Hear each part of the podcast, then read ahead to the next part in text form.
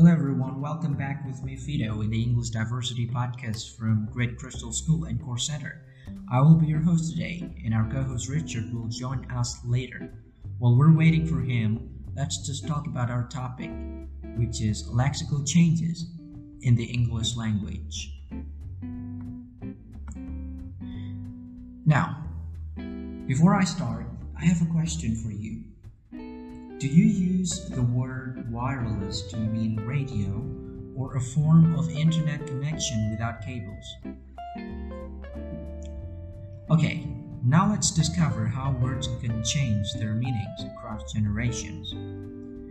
From the word wireless, we would probably assume this statement was made by an older person, as radio is now the more common term. Lexical changes refers to a change in the meaning or a use of a word or a general generational shift in preference for one word or phrase over another. Lexical change is probably the most frequent type of language change and certainly the easiest to observe. For instance, we can make confident assertions about the age of a speaker who uses the word courting to mean go out with, or one who uses the adjective fit to describe someone they find attractive. New vocabulary or changes in fashionable usage spread rapidly and evenly across the country due to our sophisticated communication links. Intriguingly, in the case of wireless, the word has experienced something of a revival. If you hear the word wireless used by a younger speaker, they are most certainly using it as an adjective rather than a noun in referring to wireless technology, from broadband to routers and smartphones. This illustrates perfectly how words can virtually disappear or gradually shift in meaning and usage. Another example of lexical changes that we can find in the English language is the word picture. We can revert the word picture as a photograph that we took using our cameras, but it could also mean the showing of a film in a cinema. Another example is the word parlor. We can refer parlor to main family room in our houses, or a room reserved for entertaining guests. This has the same meaning as a lounge or living room. So, in our last episode, we were talking about different um, features of language, especially as it relates to American English um, and uh, different dialects. But I think to continue is, um, you know, just to mention that not only do dialects use different words, like we mentioned before, uh, like hoagie and sub and um, you know those kind of things. But they may also use the same word with a different meaning. So basically meanings are fluid and transitory and they actually may change in a number of ways over time and place. Um, one common type of change a word may broaden or narrow its meaning. For example, when the word barn was brought from Britain to America, it was actually used to refer to a building that was used only for storing grain. Um, then later on, the meaning was gradually broadened so that it could be used to refer to a building for storing all sorts of farm related items, including but not limited to animals and machinery. However, um, the actual broadening of this word took place only in America, resulting in a lexical difference between American and Britain. So, if you go to the UK, barn still means a storage place for grain. Other broadenings that have occurred in the history of English affected such familiar words as holiday, um, companion, bird, and drive.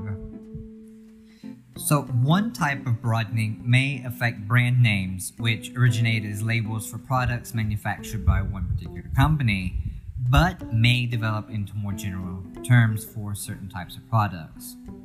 Americans throughout the country use Kleenex to refer to facial tissues of any type and use the verb Google for general browser searches. On a more restricted level, speakers in the rural American South, where I'm from, may refer to all refrigerators as Frigidaires or Kelvinators, or to all brands of carbonated beverages as Cokes or Coca Colas. Um, Pepsi, Sprite, Mountain Dew, we call it, I say, I want a Coke. Um, and then after that, you know, we'd ask, like, what kind of Coke do you want? Um, but broadening of language and dialects are not the only things that are commonplace. Um, narrowings also happen in American English language variation. So the word word meat once actually only referred to food in general, but now refers to only one type of food. Similarly, the word deer referred to any type of animal, and the word girl could once be used to refer to a child of either sex. So, as with broadenings, some narrowings affected American English but left British English untouched. Um, so, the word corn in Britain is still used to refer to any type of grain, while its meaning has narrowed to refer to only one specific type in America. Um, to be honest, there are actually innumerable English words that have narrowed or broadened in meaning over time, and it's quite interesting, but it is an ongoing process. Um, apart from narrowing and broadening, another type of change is meaning shift. So, this is actually a change in the primary meaning of a word, often in the direction of one of the word's submeanings. So, um, we can take one of the most no- noteworthy historical examples of meaning shift um, which involves the word bead. So originally, this word meant prayer, but then later it came to refer to a particular type of jewelry because rosary beads were often worn in the Middle Ages while saying prayers. Um, other shifts include knight, which was originally a young person, nice, originally ignorant, and even pen, from the Latin penna, which was feather. So some meaning shifts also involve um, figurative extension or like metaphorical extension. So basically, the use of a word is extended so that it can refer to items that are very different from those originally referred to, and based on a common meaning feature shared by the two classes of items. So, for example, the term submarine, which literally refers to an underwater boat has figuratively, figuratively extended to apply to a type of sandwich that is similar in shape to the seagoing vessel. Virus was once associated with a broad range of biological infections, but one sense has been extended to propagation of a debilitating code in a computer program or across a network. And then also the word viral, so, so popular these days can now be used for the rapid, widespread uh, spread of any information, as in to go viral. So, we actually might be able to say that new words often go viral. So, I'm going to give you a few sets of lexical items that reflect the cross dialectal vocabulary differences that we can find in the regional dialects of American English. And I kind of want want you to take a moment to think about um, whether these different terms are actually the result of the broadening or narrowing of a general English word or of lexical innovation.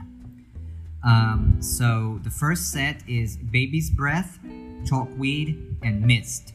So these three are a type of plant, um, Gypsophila family. The next uh, set is bathroom, washroom, restroom, and toilet. So you all know that these are toilet facilities in a public place.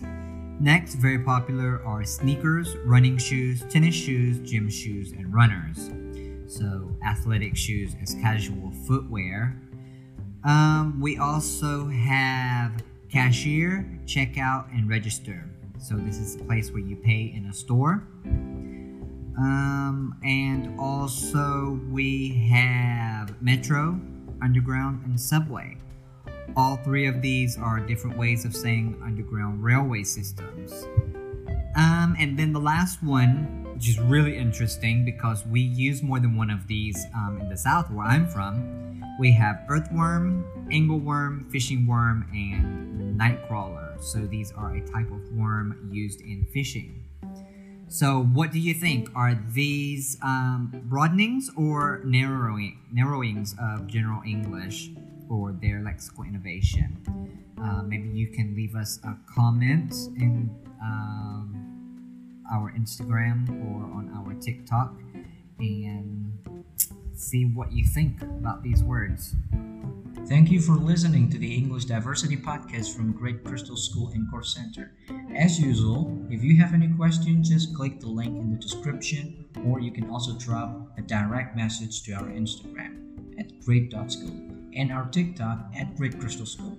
And also, don't forget to follow the health protocols because it is important, especially during this time. Goodbye, everyone.